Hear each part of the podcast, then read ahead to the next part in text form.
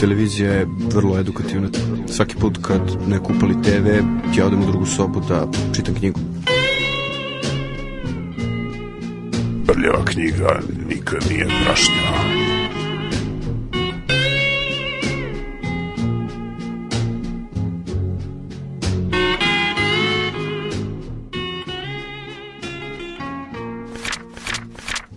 Prelazimo na rubriku Jedna knjiga, jedan pisac i danas imamo prikaz knjige Hyperion pisca Dena Simonsa. Jeste.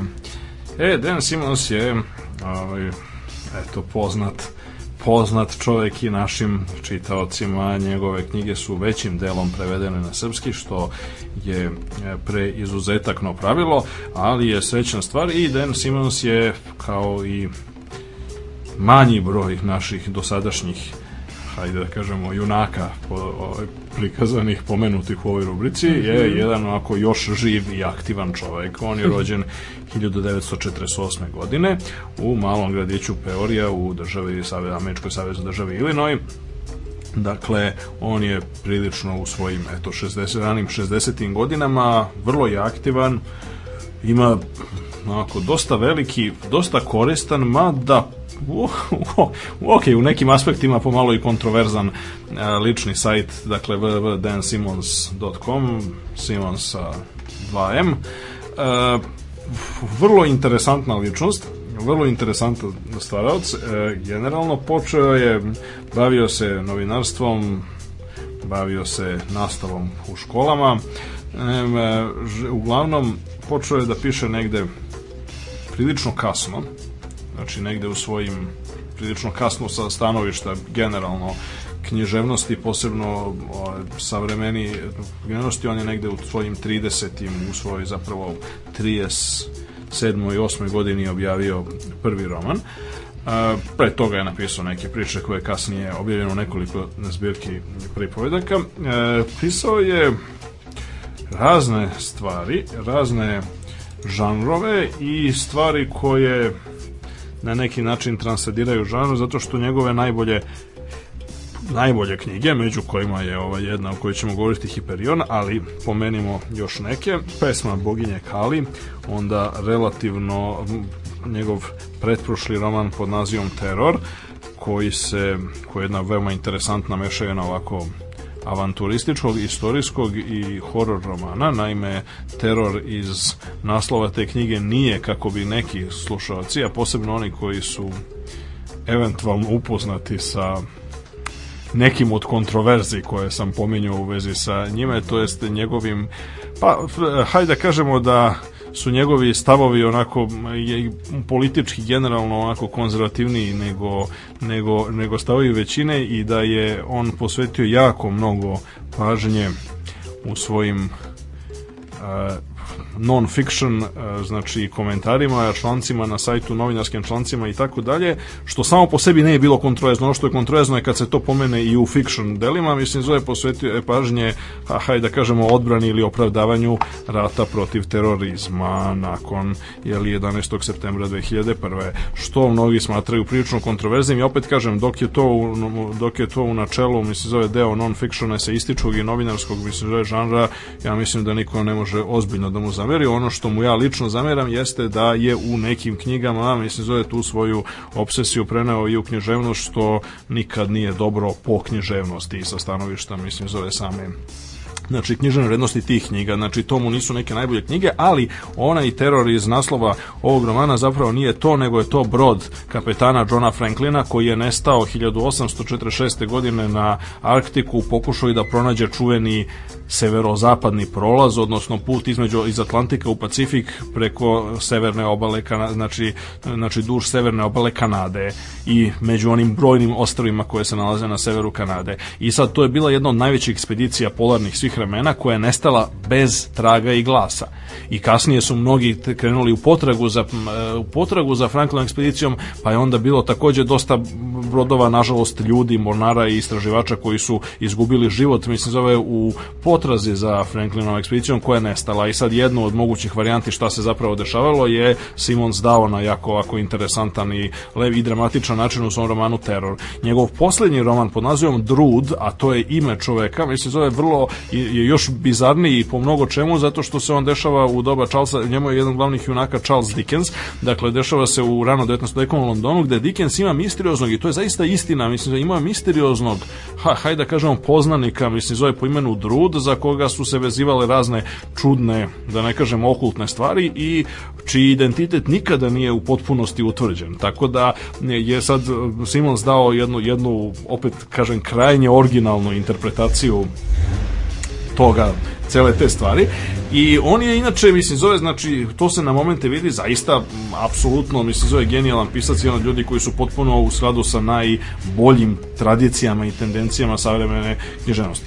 Sa druge strane, kao čovjek koji je ipak na neki način izašao iz onoga što na pravdi Boga ili na nepravdi, kako to će se naziva žanrovskom književnošću, e, on, je, uh, on je vrlo često bio opterećen raznim lošim običajima koji vladaju, mislim, zove u tom delu izdavaštva, pa je onda, na primer, poznati po tom nasilnom pisanju nastavaka i pisanju nastavaka, mislim, zove svojih knjiga gde je svaki sledeći nastavak sve gori od prethodnog i e, to tako obično biva, mislim, zove kada se iz raznih komercijalnih razloga teži da se nastavlja nešto, mislim, zove na silu, što jeli, ne postoji dovoljno umetničkog, literarnog i, i, i sižejnog opravdanja. Takav je slučaj, recimo, onime sa e, čitavom tom hiperionskom tetralogijom ili hiperionskim pevanjima, mislim, zove kako se nekad u, u samoj samoj u, u, samoj u, u samim knjigama naziva mislim zove znači znači ceo ceo taj ciklus Hyper, Hyperion Cantos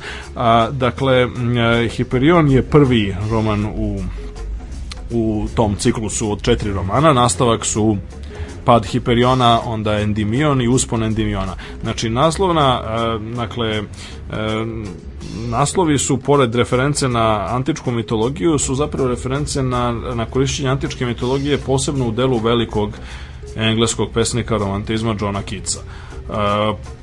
Po mnogim parametrima sam Simons tamo na sajtu ističe i detaljno obrazlaže mislim zove svoje stanovište po tome. Keats je bio možda najveći pesnik mislim on je romantizma on je možda onako pocenjen i stoji pomalo u senci mislim zove poznatijih kao što su Byron Shelley i Coleridge još neki, ali po mnogim parametrima čisto znači iz e, teorije književnosti mislim zove Kic je bio superioran u odnosu na njih i sad Kic je napisao mislim zove sam F po nazivu Hiperion koji je veoma čudan u kome se nalazi gomila nekakvih futurističkih ajde da kažemo predviđanja i, i stvari što inače bila karakteristika uh, romantičara mislim zove pa setimo se da je Shelley pisao o tome kako će ljudi ono, terraformirati druge planete otprilike i nastaniti se na Antarktiku mislim zove koji će da će biti napravljena napravljena ovaj, klima pogodna za život i tako dalje.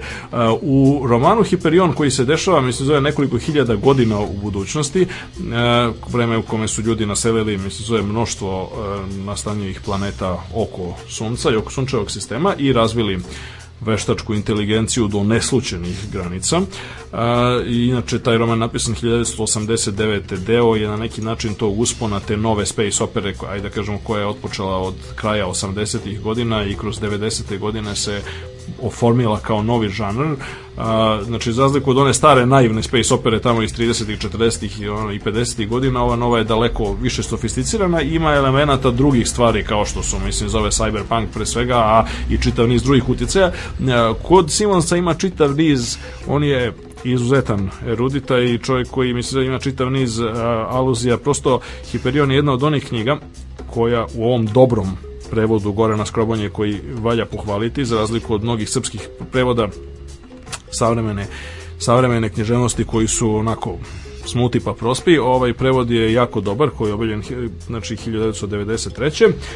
Uh, ono što je opet zaslugom Polarisa i Zorana Žikovića, kasnije su prevedeni i ovi nastavci. Uh, u poslednje vreme izdavaška kuća Laguna, ako se ne veram, je prevela ova poslednja dva ovaj, poslednja dva dela, Endimion i Uspon Endimiona i ove potonje romane kao što su Teror i još neki.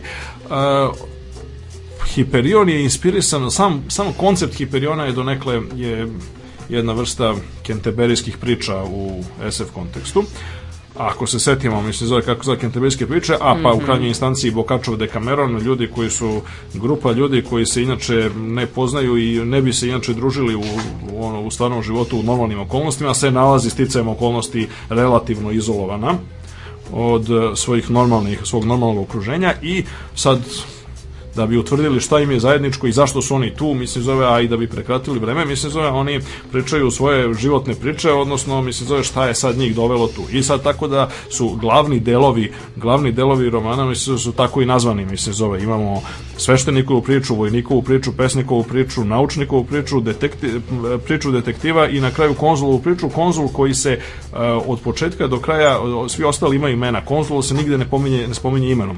Uh, osim što se iz njegove priče na kraju može rekonstruisati zapravo ko je on, što je jedan interesantan detektivski ovako, Aha. ovako zadatak, ali ovaj je na neki način daje jedan specifičan završetak. E sad, Hoćeš ono- da nam otkriješ ili... ne, neću, naravno, mislim zove. Ono što, ono što na, naravno da neću, mislim Da, zove. da, Ovu da. knjigu treba, sve, treba svako počitati, se apsolutno je preporučujem, pošto kažem dostupna i kod nas, mislim zove, ima je i ovaj, naravno i u engleskom originalu u ovim knjižama, dakle, gde, gde ima stranih knjiga kod nas, a Mhm. i naravno u knjižama na internetu, a, ovaj, dostupna je i u srpskom izdanju i svakako je preporučujemo. A, za sam kraj jedan odlomak koji opisuje hajde da kažemo jedan cyberpunk Aha, a momen, i, momenat i, iz kog je to dela? E, ovo je, ovo je, ako se ne varam, samo da proverimo, ovo, ovo moram da, za svaki slučaj da proverimo, ovo je, ako se ja ne varam, iz priče detektiva. Mhm. Jeste. Jeste, znači jedan moment koji opisuje, aj, aj da kažemo, surfovanje, ali Ja. surfovanje mi se zove u jednom malo drugačijem kontekstu. Fenomenalno.